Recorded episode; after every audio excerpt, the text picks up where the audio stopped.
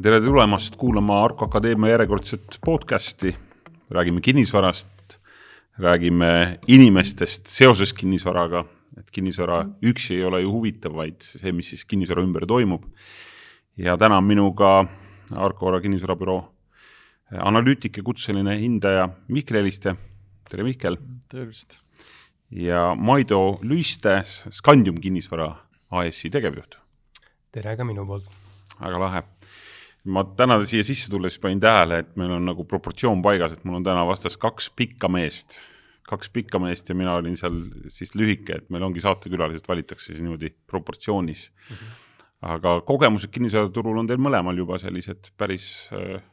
korralikud, nii et turutunnetus on olemas, et võib-olla hakkame, lähemegi kohe siis sellise turutunnetuse juurde, mis puudutab siis uusarendusi, et Scandium on ennekõike tuntud kui uusarenduste ütleme siis arendaja, et milline see turg siis arendaja vaatenurgast täna turul on, et meedia ja, ja ka ise kogemus ütleb, et äh, tegelikult äh, teadmatus on üks niisugune suur märksõna või, või on teil selline selgeltnägija silm? jaa, kahjuks ei ole. et äh, selge nagu muda on, ütleks praegu et, et väga keeruline tegelikult äh, keeruline mm, protsesse nagu juhtida, eelkõige võib-olla just ehitusest tulenevalt, et, et kinnisvaraarendus on, kui sa seda kogu protsessi nagu läbid, seotud ehitusega, ehitus on pikk, ehitus on enamus äh, korteri hinnast. täna siis äh, on nagu keeruline ehitajaid leida, ehitushind on väga volatiilne ja, ja siis see raskendab kogu protsessi, et, et hea meelega müüks kaupa, mis on juba valmis ehitatud, mida me olemegi teinud siin et oleme oma lao tühjaks müünud valmis asjadest, aga nüüd ähm, uusi asju, mis on siis veel paberil või, või projektina, et neid nagu tegelikult ei taha väga müüa, et ei tea, palju tootmishind tuleb, et, et ähm, et täna müüki pannes võib väga reaalne olla, et, et lõpuks ähm, on see niisugune mm. lihtsalt äh, ühiskondlikult kasulik töö, et, et arendaja oma marginaali ei pruugi teenida. et, et oleme väga ettevaatlikud täna mis hinnaga müüme, pigem proovime siis äh, hinnastada selliselt, et igal juhul ikkagi äh, lõpuks ei pea hakkama tühistama broneeringuid, võlle, äh, et, et noh, see on siis see, kus arendas, arendaja muidu lõpuks oleks, kui, kui liiga soodsalt täna müüa. ja, ja teine pool on siis see, et mis keeruliseks teeb, et asjad liiguvad aeglaselt, et, et äh, ehitusregistri saagat vast juba kogu Eesti nagu teab, aga, aga see on üks osa sellest protsessist, et, et projektide menetlus on pikk mm, ja siis me oleme nagu täna oma ettevõtte tsüklis seal, et meil ongi väga palju asju seal ehituse alguse eel või, või et äh, ehituses on meil nagu võrdlemisi vähe. meil on üks üürimaja ehituses, mida me ei müü, äh, et, et sellega on isegi natuke lihtsam, jõuab järgmine aasta turgu sada viiskümmend korterit, mida me välja üürime. ja enamus teiste asjadega on just see hetk, et kus me valime praegu ehitajat või, või hakkame nagu kohe ehitama, et et, et niisugune keeruline aeg, ütleks. no selge nagu muda oli päris hea väljend, et no Mihkel, sina vaatad seda tegelikult nii nüüd hindaja vaatenurgast kui analüütiku vaatenurgast, sa näed, puutud kokku arendustega hindajana, sa puutud kokku siis selle nagu analüüsiga, et mida see analüüs on näidanud? esimesed viis kuud on tegelikult ju, data juba täitsa muutub jah, mis nüüd uusarendusi puudutab, siis võib-olla kõige niisugune probleemsem asi praegu ongi, mida Maido ka juba mainis, et tegelikkuses turul on nagu arendusprojekte juurde tulnud, aga kuna neid ühikuid ei turustata, siis meil on tegelikult väga keeruline juba nagu hinnata, mis see tegelik pakkumismaht nii aktiivselt kui potentsiaalselt turul on. ehk siis, kui see tänane olukord nagu leevenema hakkab, et mis siis peale seda nagu saama hakkab, et kui palju sealt seda pakkumist sellest pipeline'ist järsku nagu peale viskama hakkab. et ennekõike näiteks Eesti väikelinnades seda näeb väga selgelt, et äh, kõik ehitavad kas üksikelamuid või mingeid väikseid kahekorruselisi korterelamuid, aga kui sa kv.ee-sse lähed, siis sa ei näe mitte ühtegi müügikuulutust ja nagu väikelinnal omane, siis neid isikuid sageli kipud tundma, kui sealt pärit oled, et küsid, et äh, miks sa nagu midagi ei müü, siis põhjus ongi selles, et nad ei tea isegi, mis see lõpphind olema hakkab. ja enne, kui see enam-vähem nagu paigas ei ole, siis tõenäoliselt neid varasid ka müüki ei panda. aga kui sa ei suuda enam turul hinnata, mis on selle spekulatiivse pakkumise osakaal, siis see võib täna nagu jätta suhteliselt vale mulje sellest, mis turul tegelikkuses mm. toimub. Et meil küll avalike pakkumiste maht on väga väike, kui me vaatame siin kinnisvaraportaale, siis uusi kortereid saab justkui kusagil tuhande ringis Tallinnas soetada aga kui me vaatame neid projekte, mis justkui nagu oleksid müügikõlbulikud, siis ühikute maht on seal kusagil tuhande seitsmesaja juures juba. et selles suhtes ma arvan, kui see tänane volatiilne keskkond siin aasta lõpus või järgmise aasta keskpaigaks hiljemalt nagu enam-vähem kõikide jaoks mööduma hakkab ja asjad jälle stabiliseeruma hakkavad ehitushindade osas, siis see pakkumise nii-öelda kasv võib suhteliselt kiiresti tulla. Mm.. noh, seda, see oleks väga tervitatav ma arvan, nii kliendi jaoks kui arendaja jaoks tegelikult mm, -hmm. et see, see muuda vesi saaks nagu selgeks ja mm -hmm. ehitushind on hästi pikalt oli tuhat eurot pluss käibemaks, sõltus, lähed maa alla, mitu korrust maa alla lähed mm. -hmm. kuidas, mis see, mis see tänane rusikareegel on, palju maksab uh, uusarenduses see, see üks ruu-, ruutmeeter ehitust täna? Sa raputad peaga. lõpuni ei tea jah, tahaks isegi teada. et, et, et vaata, see oleneb ka lepingu liigist, et kui sa lähed täna peatöövõtja juurde ja noh, meie peamiselt ehitame peatöövõtjaga, oleme kunagi ise ehitanud ka nagu, nagu ise peatöövõtu korras, et alltöövõtjaid äh, otsinud. aga täna peatöövõtja juurde minnes, et kui sa tahad nagu lõpphinda teada saada, et kuna ehitaja seisab samade murede ees, et tema ka ei tea, palju see maksab, siis noh, ta üritab selle võimalikult kõrgele selle lati panna, et igal juhul välja tuleks, nii et et see ka enam tõde ju ei näita, et siis seal juba loobud äh, eos selle hinna pealt. nii et, äh, et, et me oleme juba läinud seda teed, et teeme sellist nii-öelda poolavatud või avatud hinnaga ehitamist, et lõpus selgub. Äh, arvatavasti lähme ka siin tulevikus mingite projektidega, et pigem võtta see risk, et me maksame täpselt nii palju pluss ehitaja marginaal, kui, kui see asi tegelikult maksma läheb versus see, et ehitaja paneb sellise korraliku kirve et, et tema igal juhul välja tuleks. et, et aus vastus on jah see, et, et, et hetkel ei tea, igat enne sellise hoone mm, kuidas ma ütlen siis ehituse algust, noh, me läbime hanke, kus ehitajad annavad sihthinna, et mis ta umbes olla, tulla, tulla võiks, et selle baasil siis äh, on kõige parem nägemus ja ja see, siis tahaks tegelikult müüma hakata, et enne seda tegelikult väga nagu müüa ei tahagi, et et see on ka muidugi huvitav mõelda, et äh, me oleme harjunud sellega, paberil müüakse, aga et miks müüakse, et et arendajad äh, on tahtnud kindlust, et, äh, et see lõpp, toode lõpuks müüks, noh, see isegi täna minu arust ei ole niivõrd nagu teema, teine pool on olnud ajalooliselt see, et natuke nagu ettemakseid koguda, et selle arvelt ehitust finantseerida. aga kui sa täna nagu turgu usud ja, ja endal ka kapitali on, et noh, siis see ettemüük tegelikult ei ole nii oluline, et et oluline oleks projekti endaga startida ja me oleme oma fookuse sinna pannud, et need projektid ise liiguksid, et menetlused liiguks ja, ja saaksime ehitama hakata. see kustub küll päris äh, üllatav, selles mõttes, et äh, me oleme tegelikult harjunud viimased paarkümmend aastat rohkem, et noh, paberimüük on see õige müük. Nüüd me oleme seal olukorras, kus tegelikult, et arendaja isegi eelistaks, et paberil mitte müüa, vaid öö, äh, ootaks ära, enne kui ehitused valmis on no eks see paberil müük, see suures osas taandub sellele, et see annab krediidiandjale mingisuguse kindluse, et su see projekt on nii-öelda õnnestumisvõimeline. et siin on sageli räägitakse ka üürilepingutest näiteks, et mis büroopindade turgu puudutab, et kogu aeg nii-öelda on juttu olnud, et lepingud on seal viis aastat fikseeritud, on ju, et aga see nõue üldiselt ei ole tulnud nagu mitte äh, nende üürileandjate endi poolt, vaid pigem kui sa tahad seda hoonet nagu laenuga ehitada või laenuga omada, siis krediidiasutus on sulle öelnud, et need lepingud pigem võiksid olla sellised, sest muidu me ei taha nagu eriti sulle raha anda. et äh, pigem jah, tasuks neid asju nagu krediidiandja vaatevinklist pigem vaadata, aga ma arvan, täna eks nad peavad seal samamoodi tegema järeleandmisi, kuna turul lihtsalt äh, on volatiilne keskkond aga samas, kui siin kas või Äripäeva lugeda viimastel päevadel või ka muudest keskkondadest mingisugust infot äh, tarbida, siis jääb justkui juba mulje, et äh, krediidiasutused ei ole võib-olla enam nii leebed kõikide asjade finantseerimise osas, et ma ei tea, kuidas pankadega praegu viimasel paari nädala või kuu jooksul asjad on olnud, et mm -hmm et siin tööstusettevõtted näiteks juba kurdavad, et kuna keskkond on nii määramatu, siis investeeringuid lükatakse tugevalt edasi et kui me vaatame praegu, palju selle aasta esimese viie kuu vältel hoonestatud ja hoonestamata tootmismaid Eestis müüdud on, siis me oleme madalamal tasemel juba kui kaks tuhat kaheksa või üheksa, mis selgelt peegeldab seda, et nagu ebakindlus tegelikult tuleviku ees on suhteliselt suur mm. -hmm. meie viimasel ajal oleme just rahavoolaenudega tegelenud, et oleme siin oma paari valmis projekti refinantseerinud ja, ja omandamas paari projekti. Et viimase paari nädala vältel pole pangas käinud äh, arenduslaenu osas, aga hetkel seal veel ei, me ei, me ei tunneta muudatusi veel hetkel. Et ei välista, et neid tuleb ja võib-olla lihtsalt see silmust tõmbab koomale lihtsalt, et vaadatakse rohkem arendajat, rohkem projekti, et aga, aga noh, teatav selline nagu ähm, kerge tervislik hirm tuleviku ees võiks alati olla, et seda me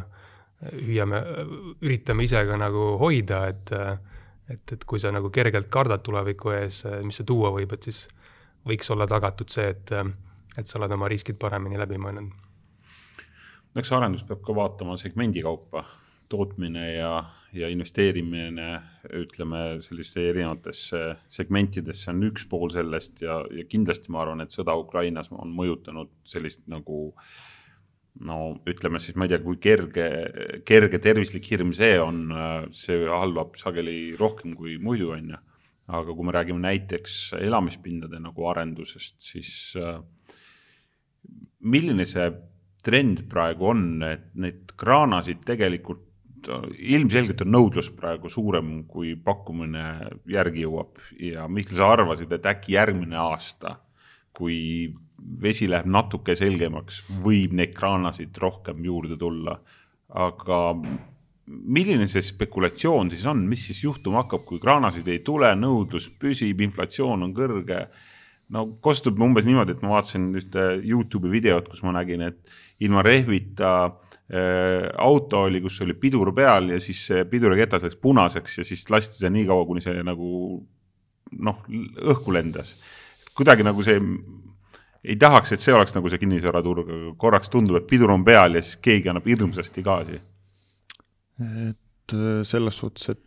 kas tehingute arv nüüd kasvu jätkab tänaselt tasemelt, et ma arvan, selle võib põhimõtteliselt välistada lähituleviku osas, et Tallinnas see aasta esimese viie kuu vältel tehingute arv on juba kusagil kaheksa-üheksa protsendi vahel madalamal kui aasta tagasi, sealjuures tehingute arv langeb nii järelturul kui uute korterite müügi lõikes. Et kui me vaatame, miks inimesed kinnisvara soetavad, siis noh, eeskätt on tarbijakindluses küsimus ja ma ei näe, et see selle aasta teisel poolaastal kuidagi positiivselt muutuda võiks. et üheskoos äh, selle laiapõhjalise inflatsiooniga, koos Euribori tõusuga, koos siin äh, energiakandjate väga kiire hinnatõusuga, pannes siia kõrvale selle sõja ja kõikvõimalikud muud kriisid, mis meil hetkel on, et äh, need kõik mõjutavad tarbijakäitumist negatiivselt. ja me oleme juba see aasta siis ka näinud, et see on kinnisvaraturul hakanud tehingute arvu allapoole tooma aga isegi kui Ukraina sõda ei oleks äh, aset leidnud või need sündmused seal ei oleks eskaleerunud, siis ma arvan, et me oleksime tehingute arvu osas täna suhteliselt sarnases olukorras, kus me eelmine aasta prognoosisime enne sõda. ja tehingute arv selles suhtes äh, on kõvasti üle pikaajalise keskmise ja see, et ta siit täna nagu allapoole tuleb, ma ei näe, et see veel hinnatasemeid kuidagi negatiivselt mõjutaks, et kui keegi üritas praegu mu jutust nagu välja selgitada seda, et kinnisvaraturgu mingisugune hinnalangus ees ootaks nüüd, et äh, seda ma pigem ei väidaks, et ma pigem väidaks seda, et tehingute arv hakkab allapoole tulema mingisuguse pikaajalise keskmise poole lihtsalt. mina nõustun, äh, ma arvan ka, et tegelikult äh, hind alla ei tule, küll aga üks niisugune nagu teema, millega me turul silmitsi seisame, on see, et, et kinnisvara võib muutuda nagu, nagu võrdlemisi kalliks ja ma usun, et see on ka üks tegur, mis täna nagu neid tehinguid alla toob, et me nii-öelda muutume nagu lääne-euroopalikuks, kus on siis nagu raske korterit osta, paljud üürivad seetõttu. et, ähm, et see hinnakasv on viimase aastaga noh, nii, nii räige olnud, et, et ma täitsa nagu isegi tunnen muret selle toote nagu ostu potentsiaali osas, et kuidas tarbija jaksab osta, sest noh, tekib lihtsalt sellest kokkuvõtet, kui arendaja kõik kulud kokku liidab, oma nagu mõistliku marginaali otsa paneb, et ta lihtsalt, see toode ei müü, ta on liiga kallis. et siis selle lahendus peaks tulema nagu kahest otsast, et kas siis toode muutub mingit pidi soodsamaks. mis kui, põhimõtteliselt ei peaks. jah, et, et kui see nagu arutada, et kust ta soodsamaks saab minna, et ehituse arvelt noh, peaks siis olema mingi pidi kaval, et kuidagi leidma mingi meetodi, kuidas saaks nagu soodsamalt ehitada.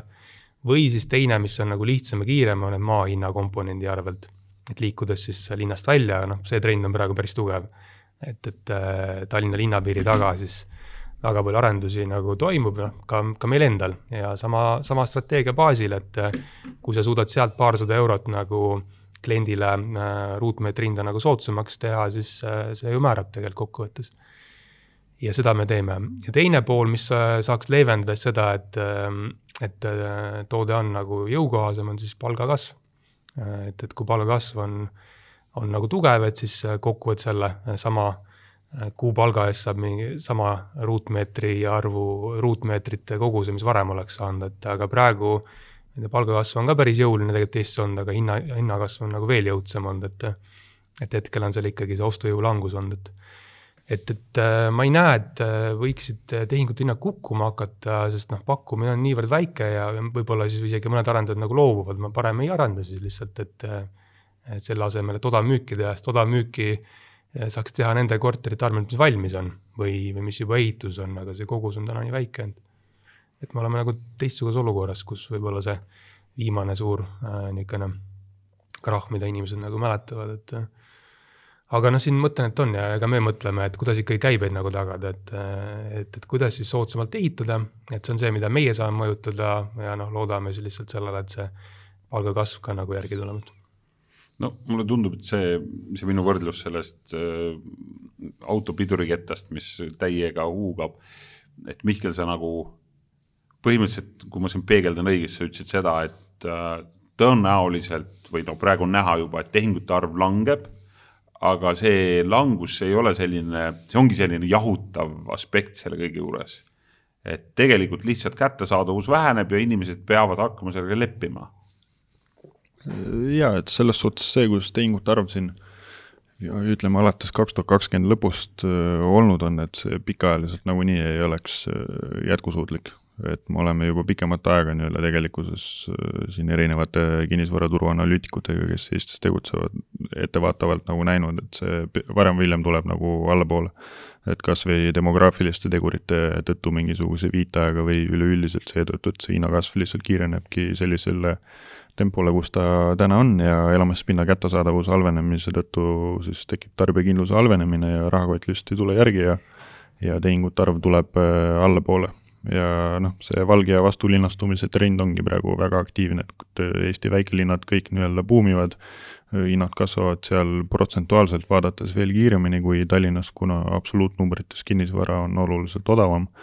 Et kui siin Tallinnas mõni korter maksab näiteks kakssada tuhat ja sinna kakskümmend tuhat eurot otsa tuleb, et see on ainult kümme protsenti, aga kui me oleme Viljandis ja kolmetoaline korter maksab kaheksakümmend tuhat ja sinna kakskümmend protsenti otsa tuleb, siis protsentuaalselt see on oluliselt äh, rohkem.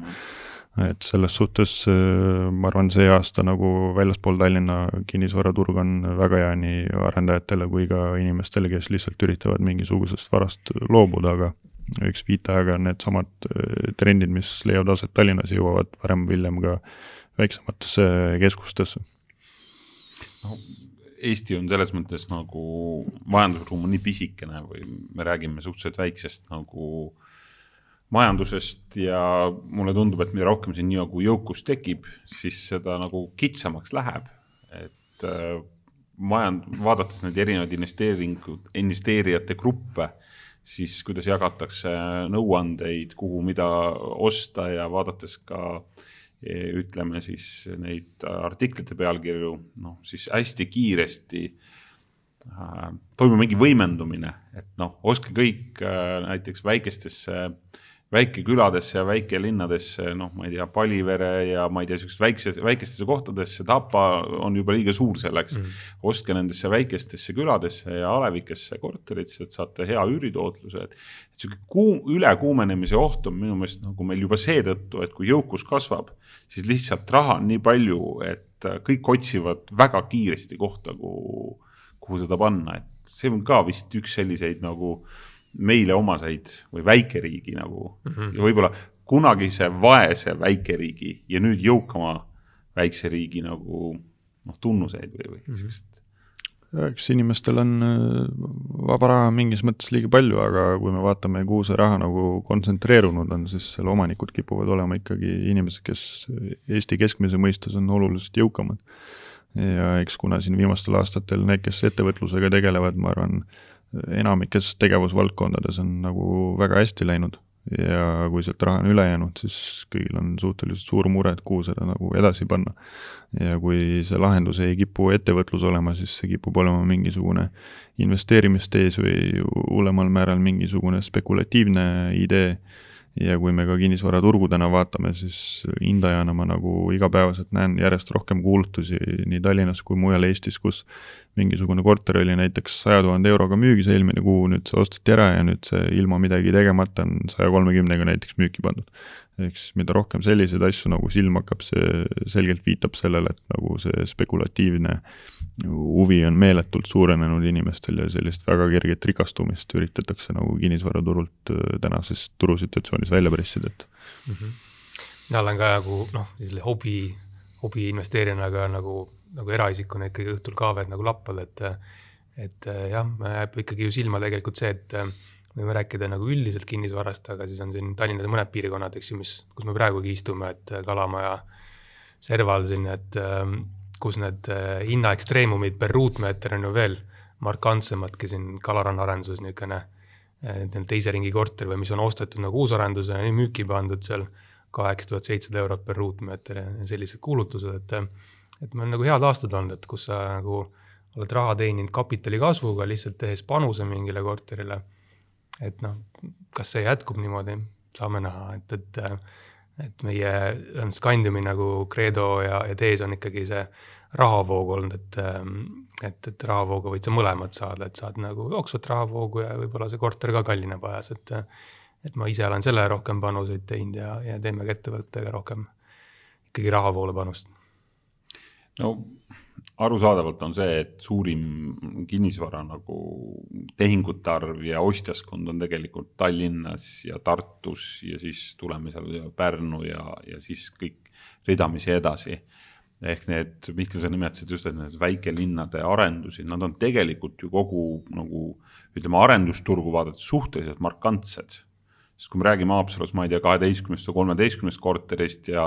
ja võib-olla, võib-olla ka suuremast Kandiumi enda projektidest, mis on nagu mm. ka Haapsalu mõttes hiiglaslikud mm. -hmm. et tegelikult äh, kõik ootavad nagu seda arenduse või ütleme, mahu kasvu siit Tallinnast ja Tartust ja hiljuti ühte Tartu arenduse ütleme siis äh, plaani vaadates, kus seal on üheksakümmend või kaheksakümmend rida eluboksi tulemas ja, ja tegelikult suhteliselt mõistliku ruuduhinnaga, ma just mõtlesin, et kuidas, kuidas see arendaja nagu plaanib seda kõik valmis teha, et et me tegelikult ikkagi ootame nendest suurlinnadest neid uusi kraanasid ja siin jõuame jälle sinna, et noh, et kuidas siis soodsamalt pakkuda ja siin ei maa hind ei toeta seda ega täna ehitushind, nii et ainus teema, millest me räägime, ongi see, et pakkumiste arv väheneb veelgi kinnisvara hind kasvab veelgi. Mm. -hmm jah, lühiajalises vaates kindlasti jah, et see noh, sama trend, mida sa just mainisid, ma olen ise üritanud sinna rongi peale hüpata, et soetasime eelmise aasta teises pooles kähku Viljandisse ühe kinnistu, kus selle aasta ma arvan, siin juuliks või hiljemalt augusti alguseks peaks detailplaneeringu kehtestatud saama, et kavandame sinna korterelamut ja vaatame, mis sellega edasi teeme, et kas teeme lihtsalt spekulatiivse tehingu, müüme projekti edasi või kui olukord siin ehitusturul nagu paremaks läheb, siis võib-olla hakkame ka ise tegema, et et selles suhtes äh, väikelinnade nagu arenduspotentsiaal selles suhtes on oluliselt tõusnud äh, viimaste aastate jooksul. et see hinnatõus, mis on olnud Rakveres või Viljandis või ka äh, ütleme, Haapsalus, et ja Kuressaares, et see, see on olnud nagu kõvasti üle ootuste ja need tüüppkorterite hinnad on juba jõudnud sinna, kus me veel paar aastat tagasi nagu ei oleks eluilmaski suutnud prognoosida, et need võiksid seal kõvasti üle tuhande euro ruutmeetri juures olla, mis tol ajal oleks tundunud nagu täiesti ebarealistlik. Aga selles suhtes nendes väikelinnades kipub see probleem olema, et seal on äh, väga palju mingisuguseid vanu planeeringuid, mis kehtestati seal kaks tuhat kaheksa, üheksa ja nõks peale seda viiteaega kuna see bürokraatiline protsess võtab sageli lihtsalt suhteliselt kaua aega. ja kui seal keegi nagu kipub mingisugust arendusala tegema, siis see pakkumine kogu korterituru lõikes kipub suhteliselt kiiresti suurenema. Eks kui me võtame näiteks Viljandi või Rakvere, siis seal avalikke müügikuulutusi kogu korterituru peale kokku on võib-olla niisugune seitsekümmend, kaheksakümmend tükki. Ja kui nüüd mõni korterelamu sinna tuua, noh siis see on juba kümnetes protsentides pakkumismahu suurenemine, et kui Tallinnaga paralleeli tõmmata, siis see peaks ikka meeletus koguses äh, uut elamufondi turule tooma. Ja väikelinnades see tähendab seda, et nendes finantsprojektsioonides on äh, oluliselt lihtsam nagu eksida ja seda olemasoleva nõudluse kogust üle hinnata võib olla suhteliselt lihtne. et sa võid teha esimese maja ja sul läheb suurepäraselt, teed teise, läheb natuke halvemini, teed kolmanda ja järsku nagu pole väga kedagi, kes ostaks, kuna ostjad on ajutiselt lihtsalt öö, äh, otsa saanud ja kuna neid projekte sageli on oluliselt raskem finantseerida ja raha kipub ka kallim olema, et siis seal tekivad nagu need riskikohad ja eks see on ka põhjus, miks krediidiasutused pigem nendest kuni viieteist tuhande elanikuga väikelinnadest tahavad eemal hoida. no ma ei tea, see puudutab nagu otse sind mm -hmm. ja Haapsalu projekti, et ja. kuidas, kuidas see Mihkli prognoos või, või stsenaarium kostus? kostus õige, et tahaks kommenteerida, et, et väikelinnades arendamine nõuabki selliseid äh, Äh, madala sellise baaskuluga ettevõtlikke inimesi või väikseid ettevõtteid, et et kui me vaatame sellise keskmise suurusega arendusfirmat, kelleks me nagu Scandiumiga ennast peame, et et siis äh, minnes kuskile arendama, siis äh, miinimumkorterite kogus võiks ikkagi viiskümmend, kuuskümmend korterit olla, sest kokkuvõttes ikkagi iga maja vajab ühte projektijuhti vähemalt. Ja, ja projektijuhi aeg, et kui meil on head inimesed tööl, et on suhteliselt kallis. Ehm, et väikelinna minna, siis peaks minema suurt mahtu tegema, samas väikelinn ei absorbeeri jälle suurt mahtu. Et Haapsalu meie jaoks oli nagu erandlik sellega lihtsalt, et see poolsaar, mis me omandasime, oli niivõrd unikaalne, maht on suur, aga samamoodi äh, seisame selle riskiga silmitsi, et ei absorbeeri võib-olla kohalik nõudlus. nüüd kuurortlinnade, milleks me noh, Haapsalu, Pärnut ja Kuressaaret võime pidada, eelis on see, et äh, nõudlus ei tule ainult koha pealt, tuleb ka mujalt et nõudlus võib tulla ka Tartust, Tallinnast, inimesed, kes endale suvituskorteri ostavad, võib-olla ka isegi välismaalt, et et sellega me loodame nagu natuke maandada seda riski, millega võib seista silmitsi mõnes Põlvas, Valgas, Võrus võib-olla, kus on lihtsalt ikkagi peamiselt kohalik nõudlus. ja aga noh, ikkagi me lähme väikselt peale, et võib-olla esimene etapp teeme ikka kakskümmend korterit, vaatame, kuidas nõudlus on. et tulime projektiga siin kaks-kolm nädalat tagasi välja, nüüd see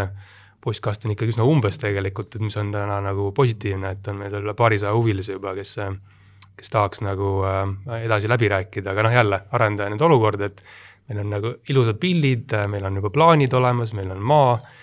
aga meil ei ole ehitushinda. aga noh, meil on siin mõned plaanid, kuidas me võiks selle lukku saada, et äh, niipea kui ehitushind oleks lukus, võiks müüma hakata tegelikult. ma arvan, et see on nii mõnegi arendaja praegu niisugune ööune ära viiv nagu mm -hmm. aspekt, et tegelikult äh, seda võiks ju nimetada niimoodi ka, et raha on maas mm, -hmm. see tuleks üles võtta, aga võtta ei saa. Midagi nagu seljavalu on, mingisugune ja. asi takistab seda, seda raha sealt üles võtmast. olen rääkinud tuttavatega, need, kes siin mõnes nagu ähm, äh, ehitusmaterjalide tootmisfirmas tegutsevad, et kes on ikkagi läinud sellele avatud hinnale üle, et et müüvad akent näiteks, kus nad panevad lukku akna töö tegemise hinnaga, puidu jätavad lahtiseks. ja see võimaldab neil siis oma nagu marginaali nagu, kuidas nüüd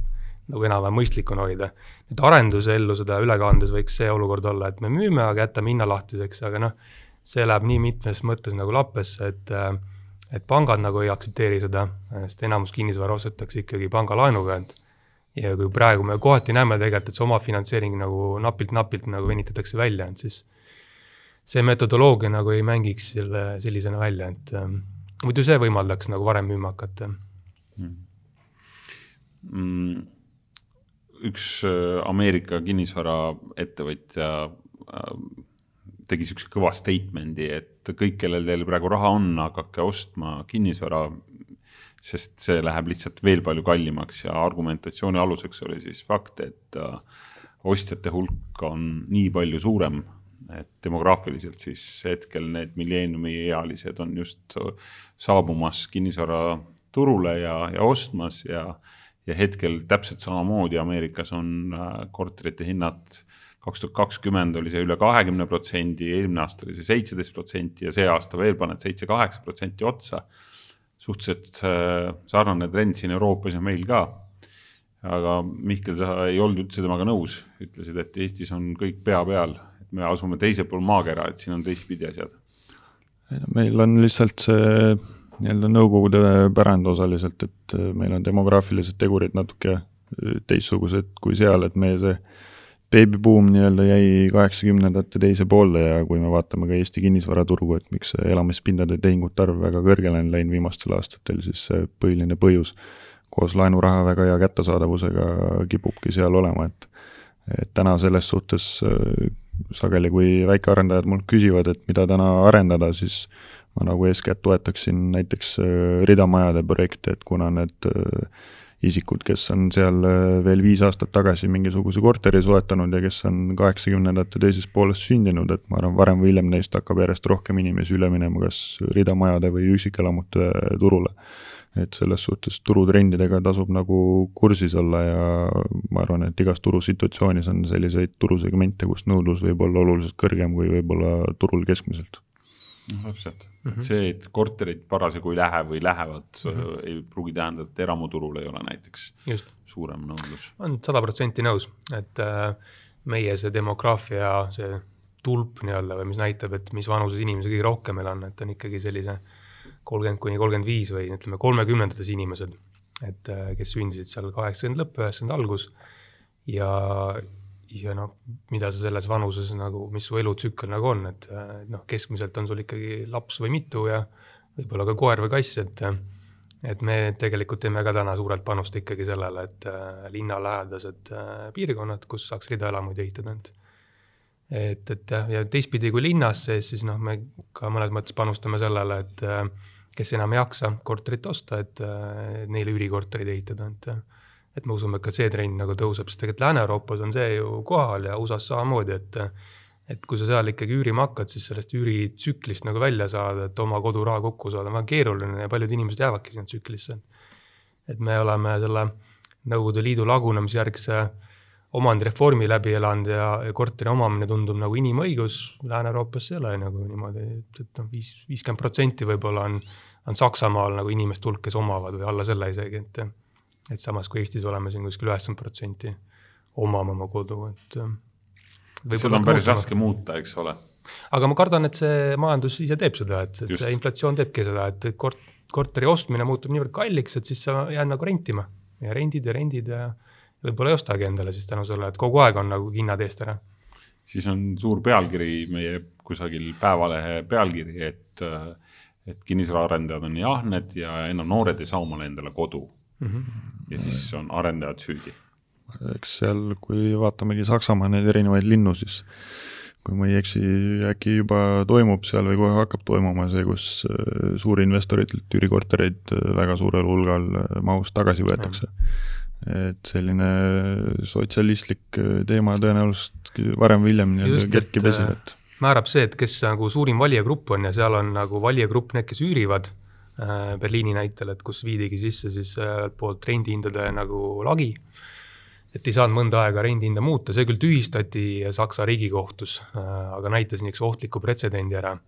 ja teiselt poolt tõesti see, mida Mihkel viitas, et linn ostab kokku arendajatelt kortereid, et nii-öelda siis neid jagada laiali. et aga Eesti näitel on jah, suurim valijasgrupp on ikkagi ju koduomajad, nii et, et noh, riik saab mõjutada oma poliitikaga kindlasti seda, et kas kodu omamine on kättesaadavam või mitte, et äh, Eestis on kaks sellist äh, tehnoloogilist võtet olnud ajalooliselt, üks on KredExi käendus olnud ja teine on äh, kodulaenu intresside tulumaksu tagastus. et need kaks hooba on nagu soodustanud kodu omamist, et noh, näis, mis tulevikus saada võib. no meie saateaeg hakkab läbi saama, et võib-olla üks väike prognoos siia ette veel, et mis, mis suvi toob hapu, hapukurgi hooaeg kinnisvaraturul või